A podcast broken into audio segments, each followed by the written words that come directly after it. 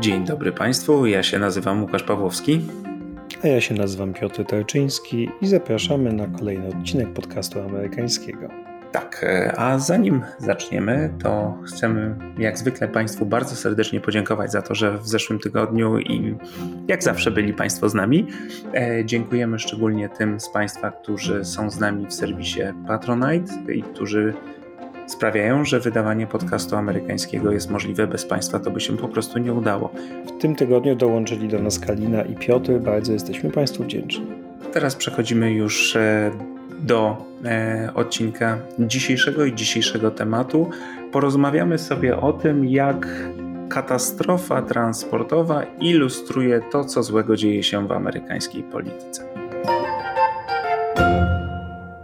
3 lutego w godzinach wieczornych e, miało miejsce wykolejenie pociągu na granicy stanów Ohio i Pensylwanii w stanie Ohio. Jeszcze w stanie Ohio to było rzeczywiście prawie na samej granicy, tuż za takim małym miasteczkiem e, East Palestine, niedużym, liczącym niecałe 5 tysięcy mieszkańców. To był pociąg towarowy, który liczył 150 wagonów, Otóż nie, mój drogi, liczył dokładnie 149 i nie był to przypadek, bo od 150 zaczynają się inne regulacje e, dla pociągów, bo wtedy pociąg jest uznawany za bardziej niebezpieczny, e, powinien spełniać inne wymagania, więc ten miał dokładnie 149 wagonów, a taki 149-wagonny pociąg to w, e, ma prawie 2 km długości. No i pociąg ten przewoził toksyczne chemikalia, Otóż i tu nie do końca masz rację, bo owszem przewoził, ale przewoził ich tyle, żeby nie być oznaczony jako pociąg przewożący niebezpieczne chemikalia, tylko był oznaczony jako pociąg zwykły, towarowy, bo tych wagonów z niebezpiecznymi materiałami było akurat tak przypadkowo tyle, żeby nie zakwalifikować tego przewozu jako niebezpieczny. No ale było ich na tyle, że kiedy wagony wpadły na siebie, to zaczęły się wydostawać z nich toksyczne substancje, chlorek winylu i akrylan butylu, y, jak się dowiadujemy. Oba łatwopalne, oba podrażniające drogi oddechowe, potencjalnie rakotwórcze. Wydostało się tego jakieś 100 tysięcy galonów, czyli jakieś 380 tysięcy litrów. Mm, no i zaczął się wytwarzać, e, zaczął się wytwarzać inne niebezpieczne substancje, ponieważ doszło do kontrolowanego spalania tychże substancji. A to dlatego, że jeden z wagonów, w jednym z wagonów zaczęła rosnąć temperatura, istniała obawa, że może dojść do eksplozji. No i oficjalna wersja jest taka, że postanowiono y, dokonać kontrolowanego spalenia tych pięciu wagonów, żeby nie doszło do niekontrolowanej eksplozji. A to kontrolowane spalanie polega na tym, że przedziurowiano wagony, w których te niebezpieczne substancje się znajdowało, wypu znajdowały, wypuszczono te substancje i wówczas podpalono. No i e, wtedy nad dwoma stanami zaczęła się unosić gigantyczna chmura e, ciemnego, czarnego dymu, spowijająca wszystko taką czarną sadzą. No i po tym kontrolowanym, mówimy to w cudzysłowie, spaleniu sprawą zaczęła interesować się nie tylko lokalna społeczność, ale całe Stany Zjednoczone. Ale nie powiedzieliśmy jeszcze, dlaczego w ogóle do wykolejenia doszło. E, otóż do wykolejenia doszło dlatego, że mm, jak mówi wstępny raport, e, jedno e, złożysk w jednym z wagonów zaczęło się niebezpiecznie przegrzewać. Załoga pociągu dowiedziała się o tym za późno, próbowała zatrzymać pociąg, ale to było na tyle, jak gdyby na tyle późno zareagowało, że ten pociąg palił się już przez kilka kilometrów w ogóle zanim do, doszło do, do jego zatrzymania, a kiedy gwałtownie go zatrzymano, wtedy wagony powpadały na siebie. Wykolejenie, pożar, no i cała wielka akcja ratunkowa, a trzeba dodać, że ten pociąg przechodził bezpośrednio przez tą małą miejscowość East Palestine. To nie jest tak, że on gdzieś na obrzeżach, tylko właściwie domy mają ludzie mm, dosłownie kilkadziesiąt metrów od trakcji kolejowej, a pociągi przez tę miejscowość przechodzą właściwie non-stop mm, przez, całą, przez cały czas. No oczywiście zarządzono ewakuację mieszkańców w promieniu dwóch mil mniej więcej od miejsca zdarzenia i od tego y, kontrolowanego spalania. Mm, gubernator Ohio Mike DeWine jest republikaninem, ale raczej takim antytrumpowym. Z kolei gubernator Pensylwanii, który jest tuż za rogiem, Josh Shapiro jest demokratą, no i oni dość zgodnie zarządzili tę ewakuację po obu stronach granicy. Mm, I oczywiście została wezwana odpowiednia, odpowiednie instytucje federalne też, które jak EPA, czyli Federalna Agencja Ochrony Środowiska oraz CDC, czyli Centrum Kontroli Chorób, no, które jakby przybyły na miejsce zdarzenia, no bo wiecie Państwo, to nie chodzi tylko o to, że y, wykolejnie pociągu i trzeba usunąć y, wagony, czy też naprawić tory, no ale oczywiście chodzi o długofalowe skutki, które są dużo niebezpieczniejsze i dużo trudniejsze do oszacowania, dlatego że y, można oczywiście testować wody gruntowe, czy grunt na obecność takich czy innych chemikaliów, no ale to jest jedno, a w wyniku katastrofy i mieszania się tych substancji tworzą się inne związki, także potencjalnie szkodliwe, także w wyniku spalania tego kontrolowanego wytworzyły się chlorowodór i fosgen, które są związkami niebezpiecznymi. No i jakby przetestowanie na te wszystkie potencjalne szkodliwe substancje nie jest łatwe, jest oczywiście bardzo kosztowne, do tego dochodzą takie rzeczy jak y, na przykład co z wodą użytą do gaszenia pożaru. Przecież ona też jest toksyczna, więc jak czytamy, ta woda została później też wysłana gdzieś, musi trafić. Można jej po prostu wylać do, do ścieków. Skażona ziemia spod torów też gdzieś musi trafić. No więc na przykład woda została wysłana do Teksasu, a skażona ziemia spod torów została wysłana do Michigan. E, więc y, no to jest tak, że ta katastrofa ma skutki nie tylko dla East Palestine, nie tylko dla Ohio, nie tylko dla Pensylwanii, ale też dla innych stanów.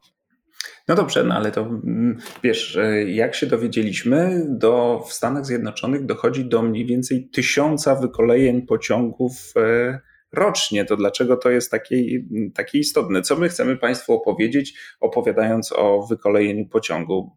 Otóż chcemy pokazać Państwu, jak ta katastrofa pokazuje pewne szersze zjawiska, takie jak e, polityzacja właściwie każdego tematu i polaryzacja, która może się wytworzyć wokół dosłownie każdej kontrowersji.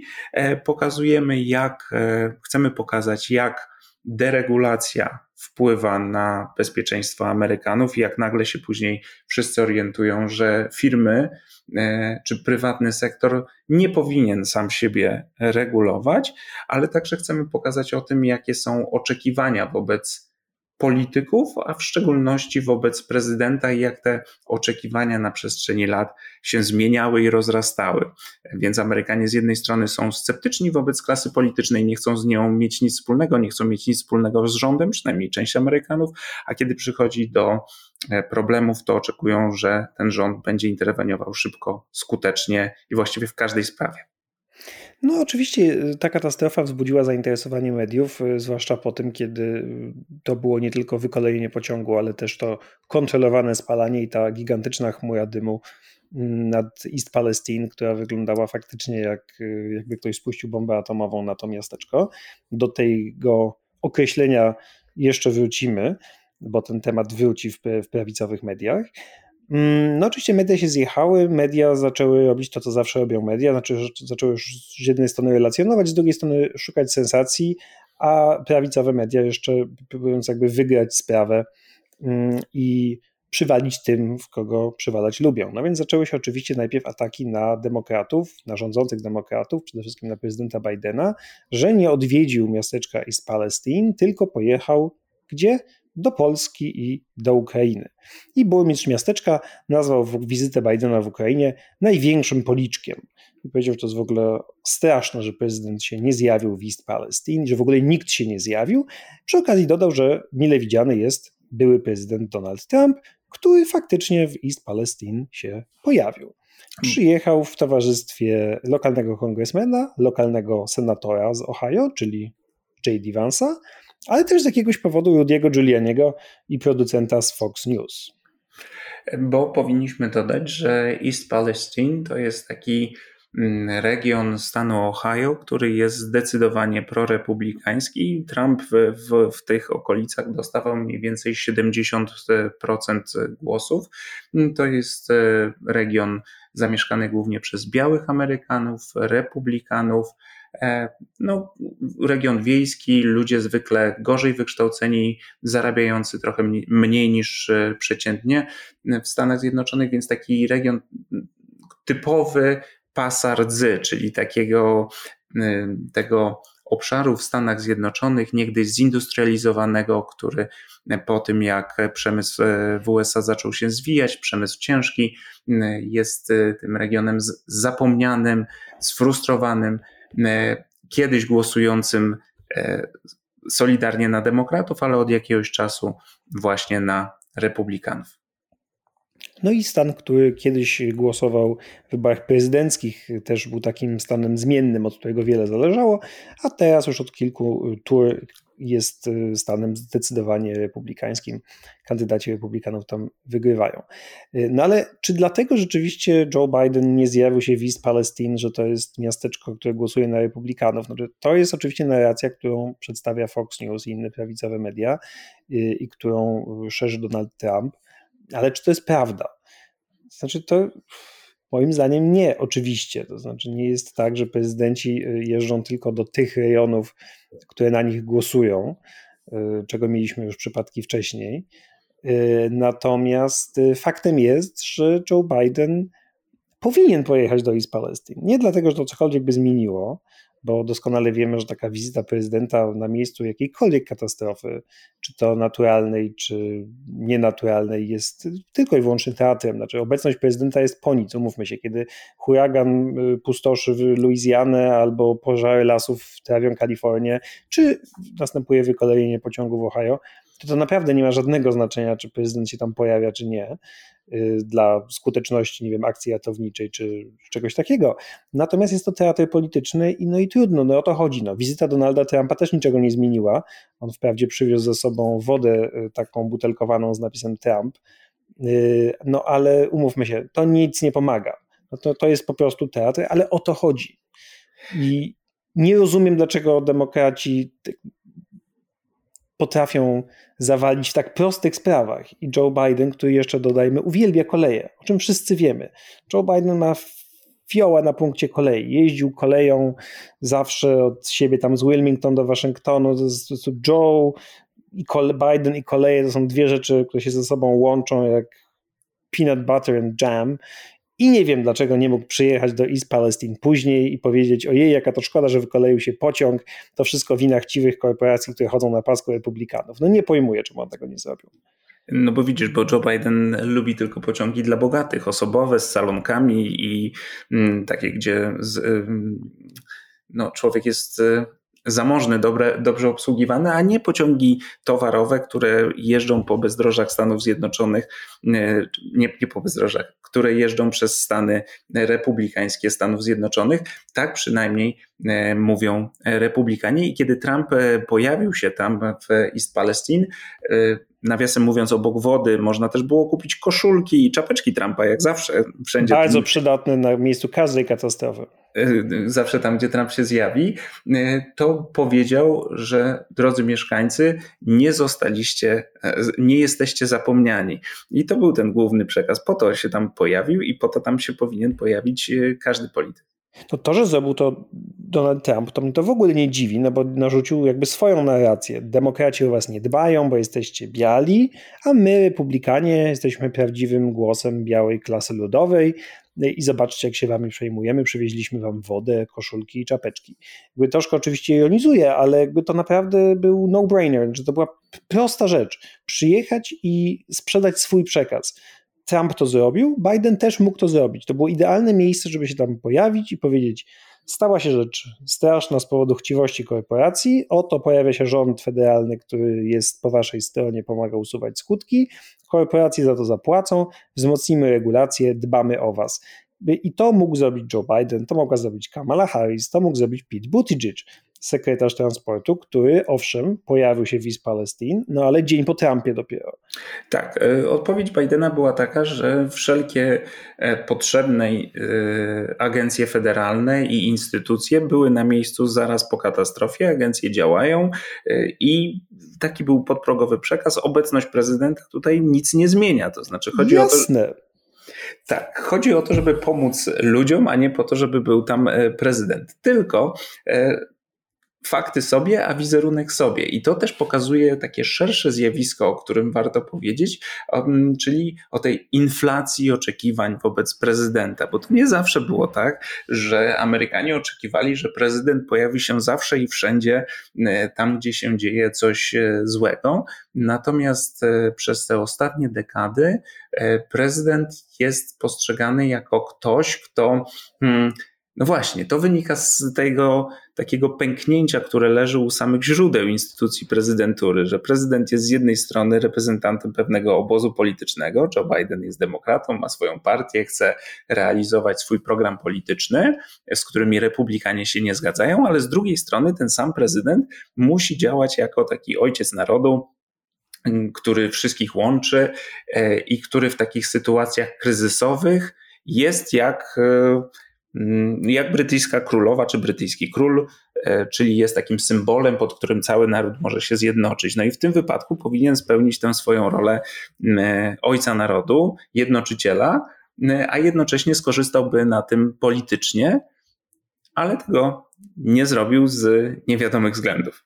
No, bo tak jak mówię, to, że rzeczywiście y, priorytetem wtedy była wizyta w Ukrainie, to jest oczywiste. Jakby atakowanie go za to, to jest y, no, dość podłe, ale też nie zaskakujące z, ze strony prawicowej.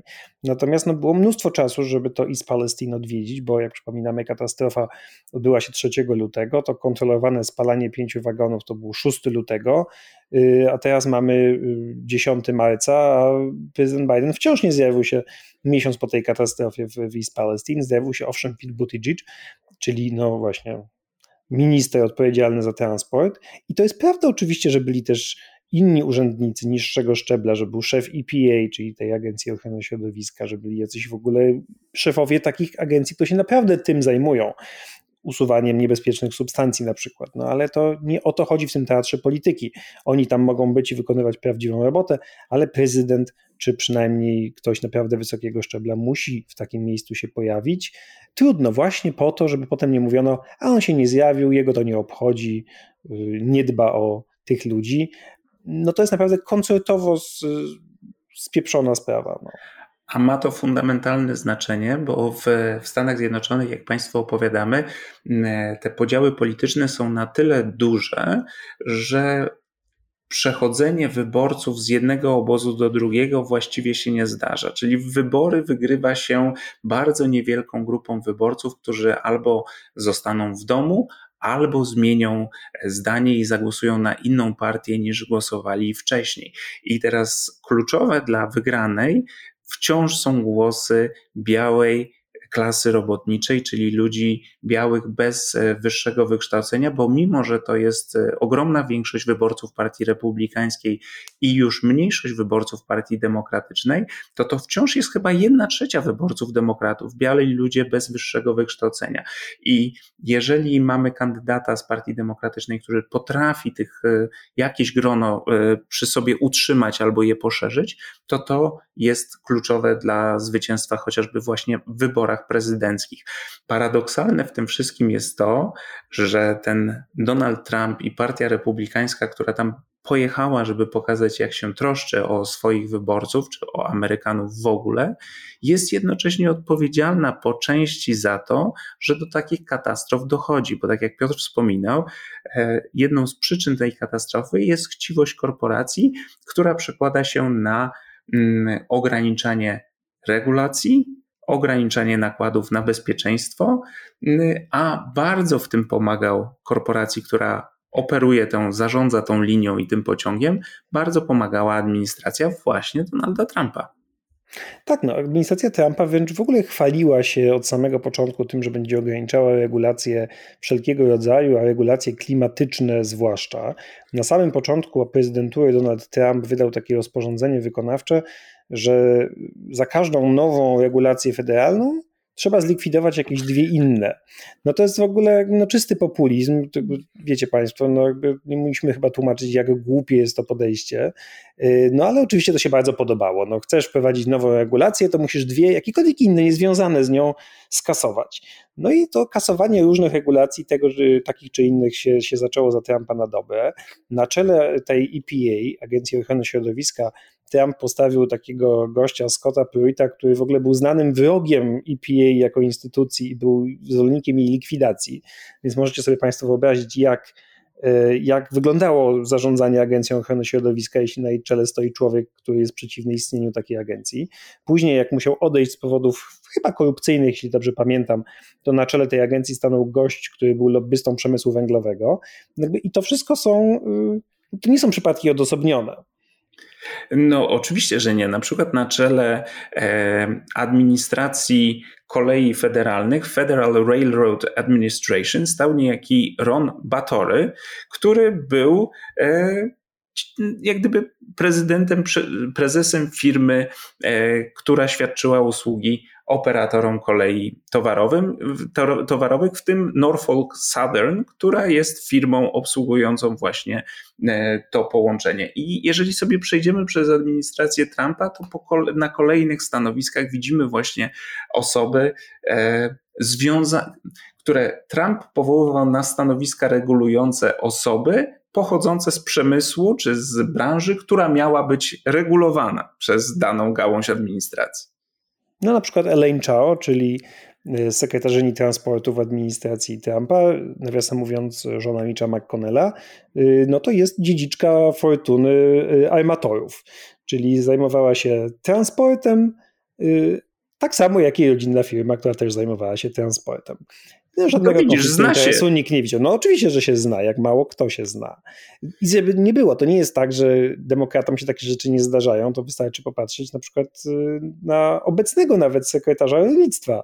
Znaczy sekretarz rolnictwa w administracji Bidena to jest gość, który jest y, no może nie lobbystą, ale jest zdecydowanie związany z y, przemysłem rolniczym. No i tak, no, zna się, ale z drugiej strony zachodzi tu oczywisty konflikt interesu, więc Oczywiście nie jest to tak, że y, takie rzeczy robią tylko republikanie, ale za czasów administracji Trumpa faktycznie był ten pęd do likwidowania regulacji i mm, ograniczania tego, co może przeszkadzać wielkiemu biznesowi, w tym właśnie y, przemysłowi kolejowemu. Mm, tylko, że tutaj trzeba to wyjaśnić, że po stronie demokratycznej od razu zapanowała taka opowieść, że Administracja Trumpa uwaliła m.in. takie przyjęte za czasów Obamy w 2015 roku wymogi nowoczesnych hamulców y, takich elektronicznych w pociągach, które przewożą łatwopalne materiały y, i odłożyła też, czy zlikwidowała taką zasadę, żeby pociągi towarowe miały obowiązkowo co najmniej, uwaga, dwie osoby obsługi, co wydaje się oczywiste, ale jak się okazuje nie. Przypomnijmy, pociąg, który się tu wykoleił, miał 1,7 mili, czyli 2 km długości. 149 wagonów. Tak jest i wymóg jest taki, żeby obsługiwały takie przewozy, bo też nie ma regulacji dotyczących tego, jak długie mają być pociągi, tu nie ma żadnych ograniczeń. I wymóg jest taki, proponowany wymóg był taki, żeby co najmniej dwie osoby obsługiwały takie składy, ale mm, firmy kolejowe skutecznie przeciwko temu protestowały. No tylko, że rzeczywiście ten pociąg tak był sprytnie z, mm, zaplanowany, jak to powiedział Łukasz na początku, że nawet te regulacje, które administracja Trumpa obaliła, też by go nie obowiązywały, dlatego że y, ten pociąg nie musiałby mieć tych nowoczesnych hamulców, bo po prostu ta jego długość i tak dalej jakby nie kwalifikowały go do tego systemu, a po drugie ta obsługa pociągu miała trzy osoby, jak czytam tego, który się wykoleił, no więc jakby grubo powyżej tych wymagań. Więc... Jeden to był stażysta, ale tak, ale były tam trzy osoby. No tak, no więc rzeczywiście jest tak, że to nie jest y, prawda, że gdyby obowiązywały regulacje przyjęte w 2015 w ustawie o nazwie FAST, czyli Fixing America's Surface Transportation, naprawmy transport powierzchniowy Ameryki, tak to chyba należałoby tłumaczyć, więc y, no, to nie jest prawda, że przez Trumpa nie obowiązywały regulacje, które zapobiegłyby tej katastrofie. No ale faktem jest, że y, to wynika też z niedoskonałości tej ustawy w 2015 roku, która została przyjęta niejako kompromisowo między tym, co chcieli demokraci prezydenta Obamy, żeby tam były takie ostrzejsze regulacje, i tym, co chcieli republikanie i y, również lobbyści kolejowi, którzy domagali się jak najmniejszych regulacji. No i to został wypracowany jakiś kompromis. Tam oczywiście różne takie głupie rzeczy, jak na przykład właśnie to, że powyżej iluś tam wagonów to już jest niebezpieczne, a jak jest jeden mniej, to nie jest niebezpieczne. No. Powyżej wagonów w ogóle w całym składzie i powyżej wagonów przewożących e, była określona liczba wagonów przewożących e, niebezpieczne materiały, no i ten pociąg był skonstruowany tak, że nie był określany jako e, skład wiążący łatwopalne, niebezpieczne materiały, tylko Chociaż jako... Był. No tak, y, jak się okazało, był, tylko był określany jako zwykły transport y, towarowy, a w związku z tym na przykład y, władze czy odpowiednie agencje nie wiedziały, że przez ich stan prze, przejeżdża taki transport z niebezpiecznymi materiałami, co byłoby istotne no, przy odpowiedzi na taką katastrofę, no bo inaczej zachowują się ratownicy, policjanci, strażacy i w ogóle wszelkie służby, kiedy przyjeżdżają do katastrofy i wiedzą o tym, że mają do czynienia z niebezpiecznymi materiałami, a inaczej, kiedy myślą, że mają do czynienia ze zwykłym pożarem. Czyli już wiemy, że wszyscy ci, którzy brali udział początkowo w gaszeniu pożaru, jak gdyby e, zareagowali jako pierwsi. Nikt nie miał na sobie żadnej ochronnej odzieży, tylko po prostu przyjechali jak do zwykłego e, pożaru, więc od razu mi się skojarzyły te, wiesz, e, pier pierwsze sceny z serialu Czarnobyl, gdzie oni tam próbują gasić tę elektrownię i oczywiście mają wrażenie, że mają do czynienia ze zwykłym jakimś pożarem, na jakie są konsekwencje, to wszyscy wiemy. No akurat porównania do Czarnobyla rzeczywiście się pojawiają, mm, głównie przede wszystkim na po prawej stronie, nie tylko z powodu tej czarnej chmury dymu, która nad miasteczkiem East Palestine się rozpostarła, no ale też jakby to pasuje do takiej narracji, że oto East Palestine zostało zbombardowane chemikaliami przez złych demokratów, bo i takie rzeczy mogą Państwo posłuchać w prawicowych mediach. Y, na przykład u Takera Carlsona. Y, Marjorie Taylor Greene, niezawodna nasza bohaterka, opowiadała, że to miasto zostało dosłownie zbombardowane po to, żeby szybko móc otworzyć linię, tak? że to kontrolowane spalenie czy właściwie niekontrolowane spalenie substancji było po to, żeby jak najszybciej otworzyć linię. No i to jest pewnie prawda, tylko że ta decyzja została podjęta nie przez władze federalne, ani nie władze stanowe, tylko przez władze Norfolk Southern, czyli linii kolejowej. Ale jest to prawda. Ja byłem zaskoczony, jak o tym czytałem. Zarządzono, jak powiedziałeś na początku, tę ewakuację mieszkańców. Ludzie wyjechali do jakichś e, e, okolicznych moteli i hoteli. I kiedy wrócili po bodaj trzech dniach, to pociągi już chodziły, czyli ruch pociągów wznowiono szybciej niż przywrócono ludzi do ich własnych domów, skąd musieli być e, ewakuowani. No i tu wchodzi kolejny ciekawy aspekt tej całej katastrofy, który podważa mm, czy pokazuje nieufność Amerykanów wobec instytucji państwowych, i to jest kolejny ciekawy wątek tej całej sprawy, e, że najpierw ludzi ewakuowano, natychmiast kazano im się stamtąd wynosić. Po trzech dniach oni wrócili i teraz od wszelkich agencji, y, które zajmują się badaniem stanu środowiska, słyszą, że wszystko jest w jak najlepszym porządku, nie ma się co, czym przejmować, a e, a gubernator stanu Ohio, o którym wspomniałeś, e, na dowód tego, że wszystko jest e, super, nawet napił się szklanki wody z, z kranu w East Palestine, żeby pokazać, że na pewno nie jest niebezpieczna. No jak gdyby pomijamy fakt, że Mike DeWine wypił pół szklaneczki wody, a tam mieszkańcy mają żyć przez następne 10, 20, 30 lat, więc skutki będą pewnie różne dla Majka i dla mieszkańców, a nie dziwne, że mieszkańcy się obawiają bo po tej katastrofie mieliśmy śnięte ryby w potoku, e, mieszkańcy uskarżają się na e, wysypkę, na problemy z oddychaniem, na bóle głowy. Nie wiem, czy widziałeś filmik, jak J.D. Vance jedzie tam w okolice East Palestine, jest nad takim strumieniem i wystarczy, że pogrzebiesz w dnie zwykłym patykiem i nagle z tego dna unosi się e, jakaś substancja, która sprawia, że potok wygląda tak, jakby ktoś do niego nalał benzyny. I J.D. Vance pyta, czy naprawdę tak powinien wyglądać potok, który jest, y, z którym jest wszystko w porządku. Więc nie dziwne, że mieszkańcy nie mają zaufania do, do agencji um, federalnych, tym bardziej, że te agencje mają na swoim koncie bardzo poważne wpadki. No, no choćby, jak ostatnio przypominał John Stewart, po. Y, po atakach z 11 września, kiedy mówiono, że wszystko jest w porządku bardzo szybko, ludzie wrócili do, do pracy, do centrum miasta, nie było w porządku. No tak, tylko że równocześnie, jeśli powiesz, y, to należałoby może wzmocnić te agencje, żeby one miały więcej środków na kontrolę, na przeprowadzanie badań, czy na stosowanie na przykład kar czy wymogów, no wtedy po prawej stronie podnosi się larum, że oto tworzy się faszystowskie państwo opresyjne, które będzie kontrolowało wszystko, co się dzieje i jeszcze próbuje ograniczać nasz wspaniały biznes. No więc albo, albo, no, albo rybki, albo akwarium, chociaż w tym przypadku mm, akwarium pełne oleistej wody, w której miesza się patykiem, no ale to jest prawda, że y, agencje mają wpadki, to jest prawda, że zaufanie wobec EPA na przykład nie jest zbyt duże, no tylko, że główną odpowiedzialną instytucją za tę katastrofę nie jest Agencja Ochrony Środowiska, tylko jest Norfolk Southern, firma kolejowa, jedna z największych w Stanach Zjednoczonych, która ten pociąg obsługiwała, która go skonstruowała w taki, a nie inny sposób i która ma na koncie jedną za drugą katastrofą, czyli jedno wykolejenie pociągu za drugim.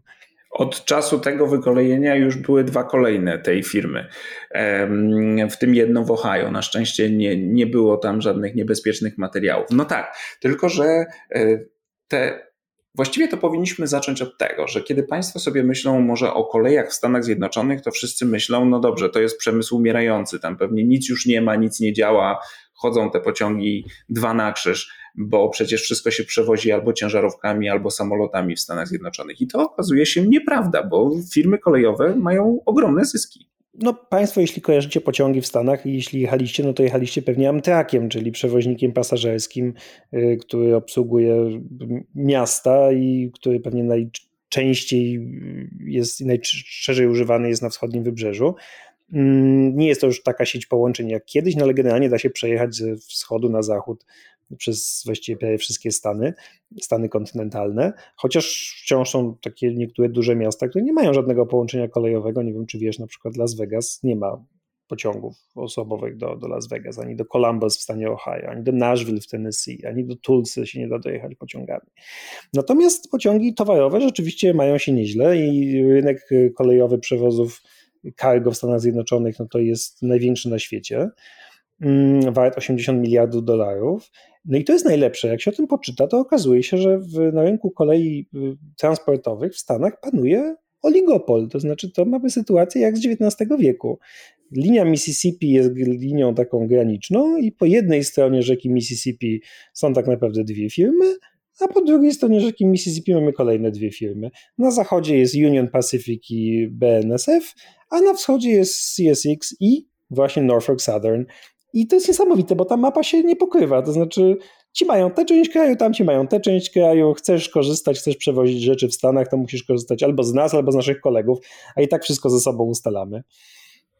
Tak, bo one są też zrzeszone, oczywiście mają swój e, związek. Mm, czyli taką, nie związek zawodowy, tylko taką jakby unię. Organiz tak, organizację, która lobbuje na ich rzecz i wydaje e, grube e, miliony dolarów na to, żeby wpływać na polityków i na lobbying per se i oczywiście na różnego rodzaju kampanie reklamowe, PR-owe. E, ta organizacja nazywa się Association of American Railroads.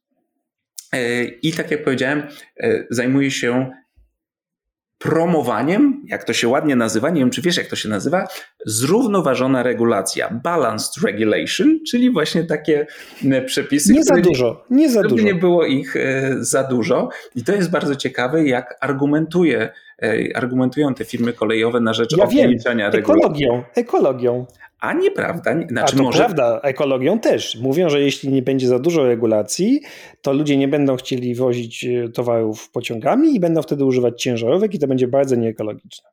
A to ja słyszałem inną odpowiedź, e, że innowacje, mój drogi. Jak jest za dużo regulacji, to nie ma innowacji. E, o, to może nawet być hasło dla American e, Association of American Railroads, że jeżeli wprowadzi się za bardzo restrykcyjne przepisy, no to zabraknie woli, chęci, pieniędzy na to, żeby wprowadzać innowacyjne rozwiązania. Tylko, że tych innowacyjnych rozwiązań właśnie nie ma na kolejach i dochodzi do takich wypadków. A to, to prawda, rzeczywiście o tej innowacji to czytałem, bo y, to był jeden z argumentów, argumentów przeciwko tej zasadzie, że muszą być dwie osoby obsługi pociągu tak towarowego. Tak Przeczytałem, że ta zasada, cytuję, niepotrzebnie zaszkodziłaby przyszłości innowacji i automatyzacji. Tak, że jak będzie za dużo ludzi, no to po co w takim razie wprowadzać super nowe systemy, które sprawią, że właściwie pociągi będą chodziły same.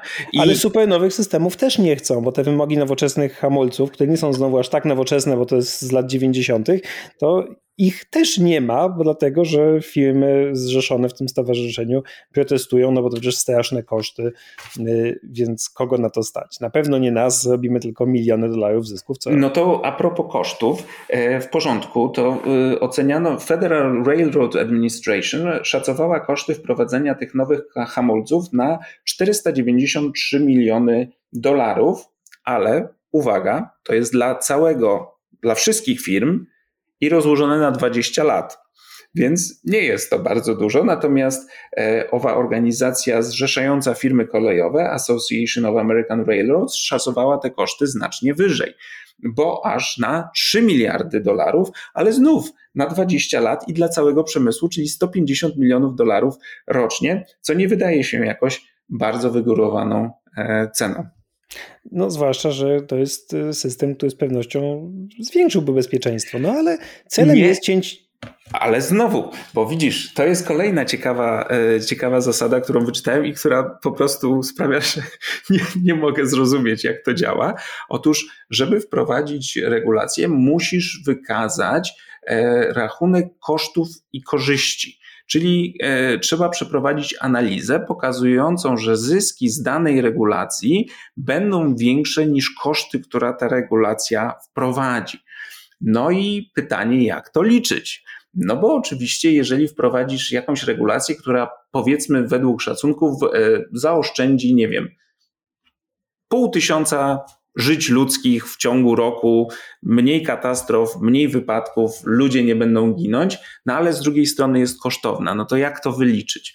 Otóż okazuje się, że można. Znalazłem artykuł właśnie o, o tym, jak Trump zwijał regulacje, e, artykuł w Associated Press z 2018 roku, z którego dowiedziałem się, że Departament Transportu przypisuje każdemu uratowanemu życiu ludzkiemu wartość 9,6 miliona dolarów w swoich analizach. I w ten sposób możesz ocenić, czy dana regulacja ma sens, czy nie ma sensu. Ale to był 2018 rok, więc może teraz życie ludzkie jest warte trochę więcej, może nawet więcej niż 10 milionów. No więc firmy kolejowe oczywiście od dawna cięły koszty. E, a jak się tnie koszty? No więc zwalniając pracowników, e, w ciągu ostatnich 6 lat zwolniono 45 e, tysięcy ludzi czyli mniej więcej jedną trzecią stanu zatrudnienia. I to wszystkie te firmy zrzeszone w, w tym stowarzyszeniu robiły. Stosunkowo najmniej to BNSF. Mm, oczywiście zapewniając przy tym, że te zwolnienia nie wpływają na bezpieczeństwo, mimo że związki zawodowe powtarzały, że to nie jest prawda. Po drugie, skoro jest mniej pracowników, no to trzeba wydłużać pociągi, no bo mniej kursów, mniejsza załoga, no i dlatego te pociągi potrafią mieć ponad 3 km długości. Ten, co się wykoleił w East Palestine, nie był wcale najdłuższy, są dłuższe. Średnia długość pociągu od 2008 roku wzrosła, jak czytam, o 25%. No i trzecia rzecz, która się z tym wiąże, kiedy mamy bardzo długie pociągi i mamy mało pracowników, to inspekcja bezpieczeństwa trwa dużo krócej. Czas inspekcji na jeden wagon został skrócony z 3 minut do niecałej minuty. Tak jest. Tu chciałem, żeby się Piotr na chwilę zatrzymał, żeby to jakoś wybrzmiało, że sprawdzanie wagonu przewożącego także niebezpieczne materiały to jest poniżej minuty. Ma pracownik ogarnąć, a ma do ogarnięcia bardzo dużo, bo tych pracowników jest e, mniej. No i oczywiście to nie są tylko pracownicy sprawdzający pociągi, ale także zarządzający samą linią kolejową, infrastrukturą, oznakowaniem. Tego wszystkiego, tych wszystkich ludzi jest mniej i związki zawodowe narzekają, że ci ludzie są przepracowani, nie są w stanie po prostu e, dobrze tej, tej pracy wykonywać, ale nie ma to specjalnie znaczenia, no bo zobacz, Firma e, Norfolk Southern jest bardzo hojna i po tej katastrofie zapowiedziała, z tego co czytam na, na dzisiaj, e, pomoc wartości 11,5 miliona dolarów i już tysiąc rodzin w East Palestine dostało, proszę Państwa, tak zwany inconvenience check To był czek no, z tytułu niedogodności. niedogodności. Tak, które no, są to niedogodności, jak ci wybuchnie pociąg pod domem i musisz się wynosić, bo chmura ciemnego dymu zalewa miasto. Jest to pewna niedogodność, ale za to tysiąc dolarów na opłacenie hotelu i, i jakichś tam innych drobiazgów. No a poza tym mają być jakieś pieniądze na rewitalizację, a nawet e, podobno mogą się zgłaszać osoby spoza bezpośredniej okolicy, czyli z takich obszarów z innym kodem pocztowym i firma Norfolk Southern indywidualnie będzie rozpatrywała tego rodzaju skargi czy wnioski o, o, jak, jakieś wsparcie i pomoc. Także widzisz, no 12 milionów dolarów stary, no to są ogromne pieniądze. No tak, aczkolwiek w czwartek y, odbyło się grillowanie prezesa Norfolk Southern w Senacie, w Komisji Środowiska Naturalnego. Mm, i prezes Alan Shaw no, musiał stawić czoła rozgniewanym senatorom z obu partii, y, zwłaszcza po doniesieniach, że ta komisja do spraw badania katastrof, wszczyna śledztwo w sprawie kultury bezpieczeństwa w firmie Norfolk Southern, dlatego że od grudnia już było pięć poważnych wypadków, y, mówiliśmy Państwu, z czego aż trzy w Ohio. Żeby było jeszcze śmieszniej, w trakcie tego posiedzenia Senatu, kiedy prezes, prezes Alan Shaw odpowiadał na pytania w sprawie wykolejeń swoich pociągów, doszła wieść, że oto w Alabamie wykoleił się kolejny pociąg Norfolk Southern. Ta wieść po prostu przyszła w trakcie posiedzenia Senatu. Y, no i oczywiście pytano go o różne rzeczy, w tym o usuwanie szkód, czy zostały dostarczone odpowiednie narzędzia i zabezpieczenia, co już wiemy, że nie, no bo ten pociąg nie został na początku oznaczony jako niebezpieczny, o procedury, o koszty. No prezes oczywiście bardzo przepraszał, kajał się, mówił, że kultura bezpieczeństwa jest niezwykle ważna w jego firmie, że y, patrzył ludziom głęboko w oczy i obiecuje im, że będzie dla nich y, teraz, za rok, za 10 i za 20. Natomiast na pytanie, czy zapłaci za opiekę zdrowotną i wypłaci odszkodowania, na to pytanie jakoś nie odpowiedział. Y, zapewniał, że jego linia kolejowa Norfolk Southern jest bardzo bezpieczna. No i oczywiście nie poparł projektu ustawy, która miałaby zwiększyć wymogi bezpieczeństwa, y, które są no, naprawdę konieczne, dlatego że tych katastrof y, kolejowych, no nie tylko Norfolk Southern, oczywiście oni mają pecha albo są po prostu najgorsi z nich wszystkich, natomiast tych katastrof w ciągu ostatnich lat jest, jest dużo, dużo więcej i to się jakoś tak dziwnie składa, że im bardziej oni tną pracowni zwalniają pracowników, im bardziej wydłużają pociągi, im bardziej skracają czas inspekcji, tym jest więcej złamań przepisów, o jedną trzecią w ciągu ostatnich pięciu lat, jak czytam, y, i tym dochodzi do poważniejszych wykolejeń, no bo też jest taka zasada, mogą się Państwo domyślić, że jeśli pociąg jest dłuższy, y, to jeśli już dojdzie do jakiejś katastrofy, no to ta to jest ona większa, ma większą skalę niż wykolejenie się krótszego pociągu. No i oczywiście czasem się zdarzają naprawdę y, jeszcze większe tragedie niż ta w East Palestine. W 2005 roku na przykład w Karolinie Południowej w Graniteville zdarzyły się pociągi również Norfolk Southern. Tam się wydostał chlor, zginęło 10 osób, y, rannych było ponad 250, szkody usuwano dwa tygodnie. Y, no więc to naprawdę nie jest wcale przypadek odosobniony. No właśnie, jeżeli zastosujesz do tego tę analizę kosztów i korzyści, która z jednej strony może się wydawać taka racjonalna, no tak, no wprowadzamy regulacje nowe, jeżeli one są opłacalne, to znaczy sensowne, to znaczy opłacalne. No i E, czyli jeżeli nie kosztują więcej niż korzyści, które przynoszą.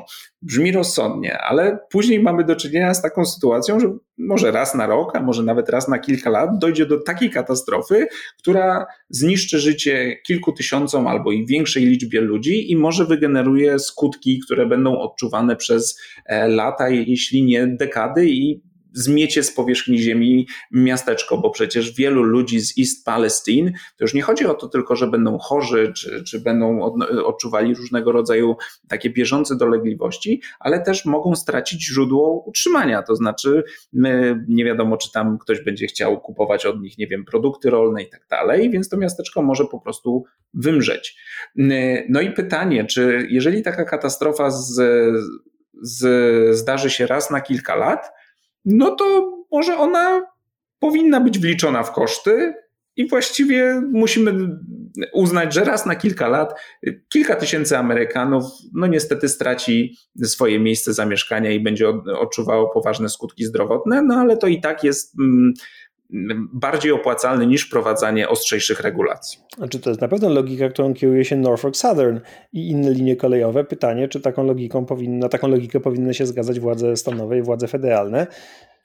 No właśnie, i w, jednym z e, wywiadów, których słuchałem, e, padła taka odpowiedź, że no nie, i w wielu innych obszarach władze krajowe się taką logiką absolutnie nie kierują. Najlepszym tego przykładem jest e, to, co się dzieje na lotniskach, gdzie znów musimy rozbierać się niekiedy prawie do golasa i ściągnąć buty, bo 20 lat temu ktoś próbował wysadzić czy przemycić bombę na pokład samolotu właśnie w butach. A może trzeba było uznać, że to jest ryzyko i raz na jakiś czas spadnie nam samolot, ale wprowadzanie takich e, standardów bezpieczeństwa jest nieopłacalne, bo generuje przecież koszty i czasowe, i finansowe, w związku z tym nie wprowadzamy. No, gdyby być konsekwentnym, to trzeba by te, taką zasadę zastosować i tutaj. A tymczasem w kwestiach bezpieczeństwa e, lotniczego stosujemy inne reguły. To, co jest zaskakujące, to że w sprawie wzmocnienia regulacji przemysłu kolejowego zapanował może jeszcze nie konsensus, ale jakiś zalążek porozumienia ponadpartyjnego. Jak powiedzieliśmy Państwu, gubernatorzy Ohio i Pensylwanii są z dwóch różnych partii, y, senatorowie z Ohio też są z dwóch różnych partii, bo Sherrod Brown jest demokratą, a J.D. Vance jest republikaninem. Mm, I, I Brown i Vance zaproponowali zgodnie nową ustawę, projekt nowej ustawy, nazywa się to Railway Safety Act, ustawa o bezpieczeństwie kolei projekt złożony we środę, pod którym podpisały się różne postaci y, z dwóch stron sceny politycznej w Senacie. Znaczy I z jednej strony na przykład John Federman z Pensylwanii, czyli demokrata, a z drugiej strony na przykład Marco Rubio i Josh Hawley, czyli republikanie. No i to jest taka ustawa dość zdroworozsądkowa, która po prostu nakłada dodatkowe mm, regulacje na pociągi z toksycznymi materiałami i znacznie podwyższa kary, jakie Departament Transportu może nakładać na mm, na tych, którzy te przepisy łamią, do 1% rocznego przychodu. No i to jest dotkliwa kara, a teraz chyba ta maksymalna kara wynosi 225 tysięcy dolarów, więc to pewnie prezes firmy nie zauważy, że mu tyle ubyło z konta firmowego, jeżeli by taką karę miał zapłacić. No jak... Nie powiedzieliśmy, ale to może powiedzmy, jakie przychody generuje Norfolk Southern. To było ponad 3 miliardy e, dolarów w zeszłym roku, więc te, kiedy mówiliśmy o tym, że chcą wyasygnować, nie wiem, 11,5 czy 12 milionów dolarów na pomoc e, w East Palestine, to jest, e, no to są śmieszne, to są wręcz że obraźliwe sumy dla mieszkańców, szczególnie te warte 1000 dolarów czeki z powodu niedogodności wywołanych wypadkiem.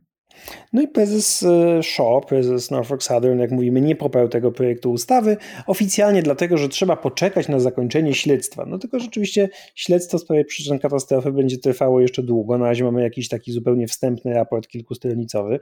Na pełen raport trzeba będzie poczekać jeszcze kilka lat, więc podejrzewam, że strategia Norfolk Southern to jest przeczekać, to znaczy za półtora roku już nikt nie będzie pamiętał o tej katastrofie poza mieszkańcami East Palestine. Czego nie bierze pod uwagę prezes Shaw, to jest to, że do tego czasu możemy się wydarzyć pewnie trzy jeszcze nowe katastrofy jego linii kolejowej i pewnie kilku innych też.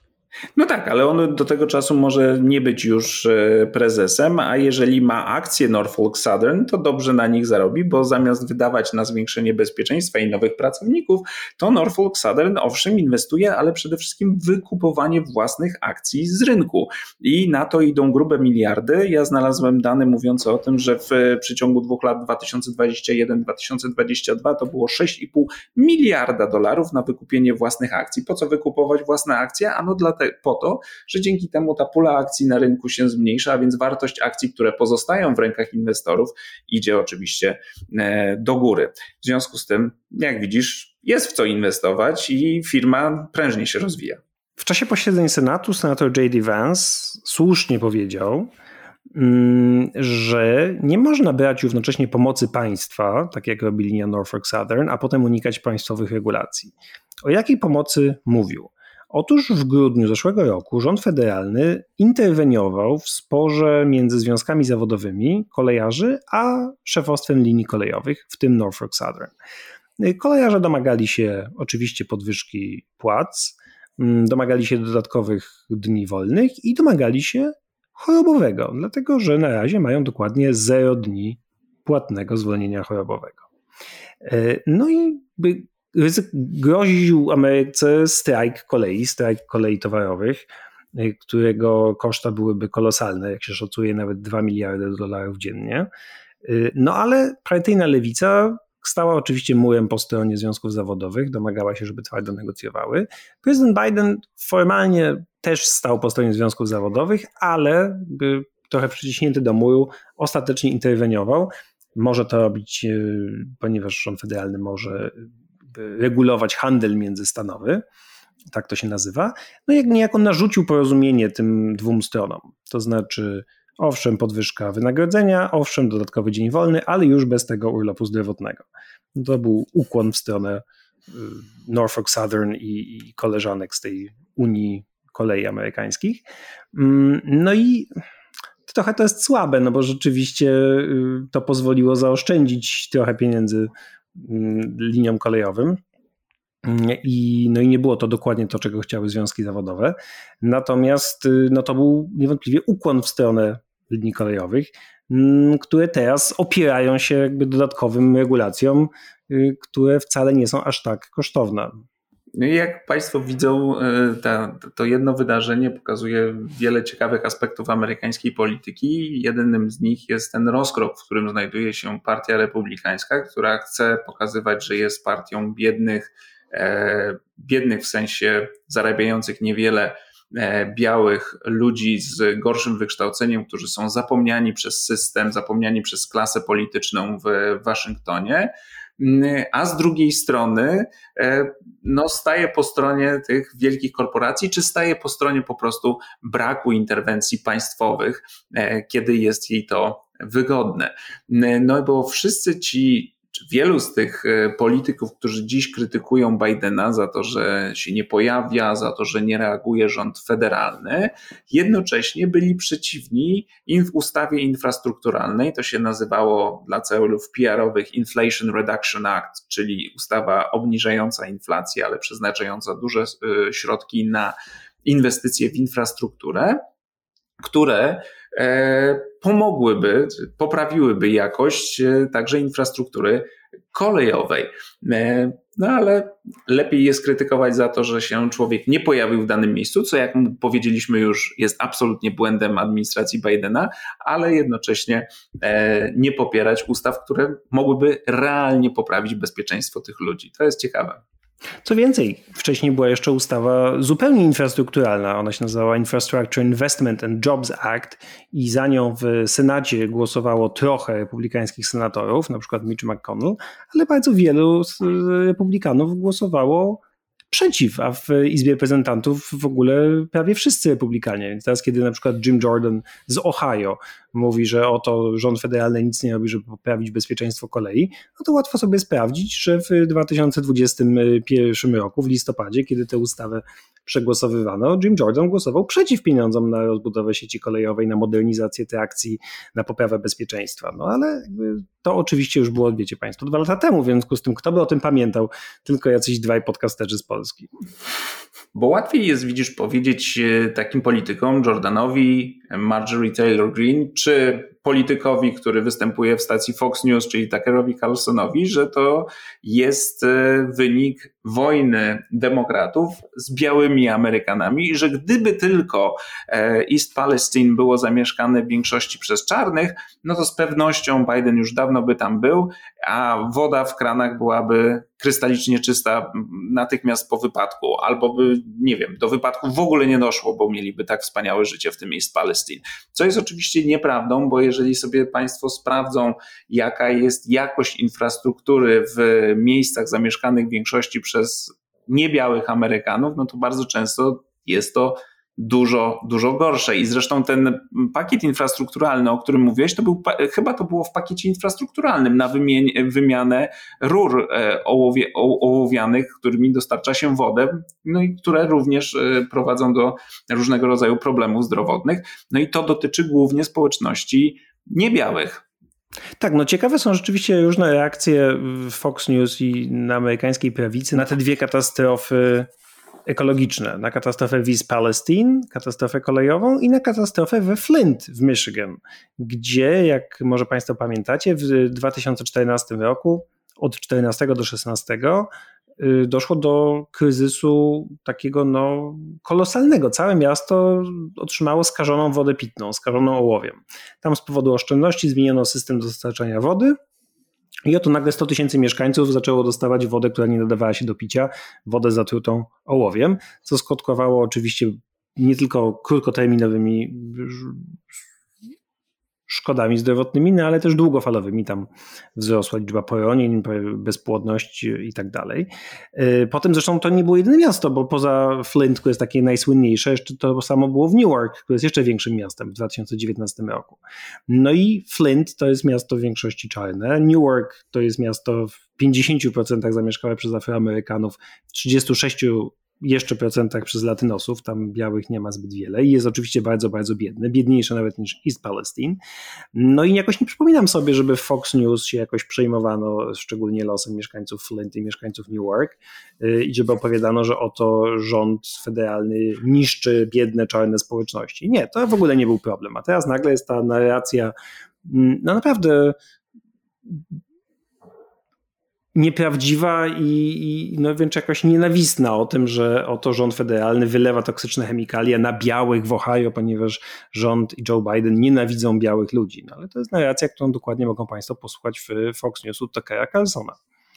No akurat tutaj demokraci mieliby, czy mają łatwiejszy przekaz, bo, bo są spójni, to znaczy mogą powiedzieć tak, chcemy regulować e, korporacje i chcemy narzucać nowe mm, regulacje, które zwiększą wasze bezpieczeństwo, bo my dbamy o bezpieczeństwo chcemy dbać o bezpieczeństwo wszystkich Amerykanów, a republikanie właśnie są w tym rozkroku, że z jednej strony muszą powiedzieć, pokłonić się korporacjom, powiedzieć nie, nie będzie żadnych e, interwencji państwowych i regulacji, a z drugiej strony e, chcą powiedzieć tak, dbamy o was, biali mieszkańcy East Palestine.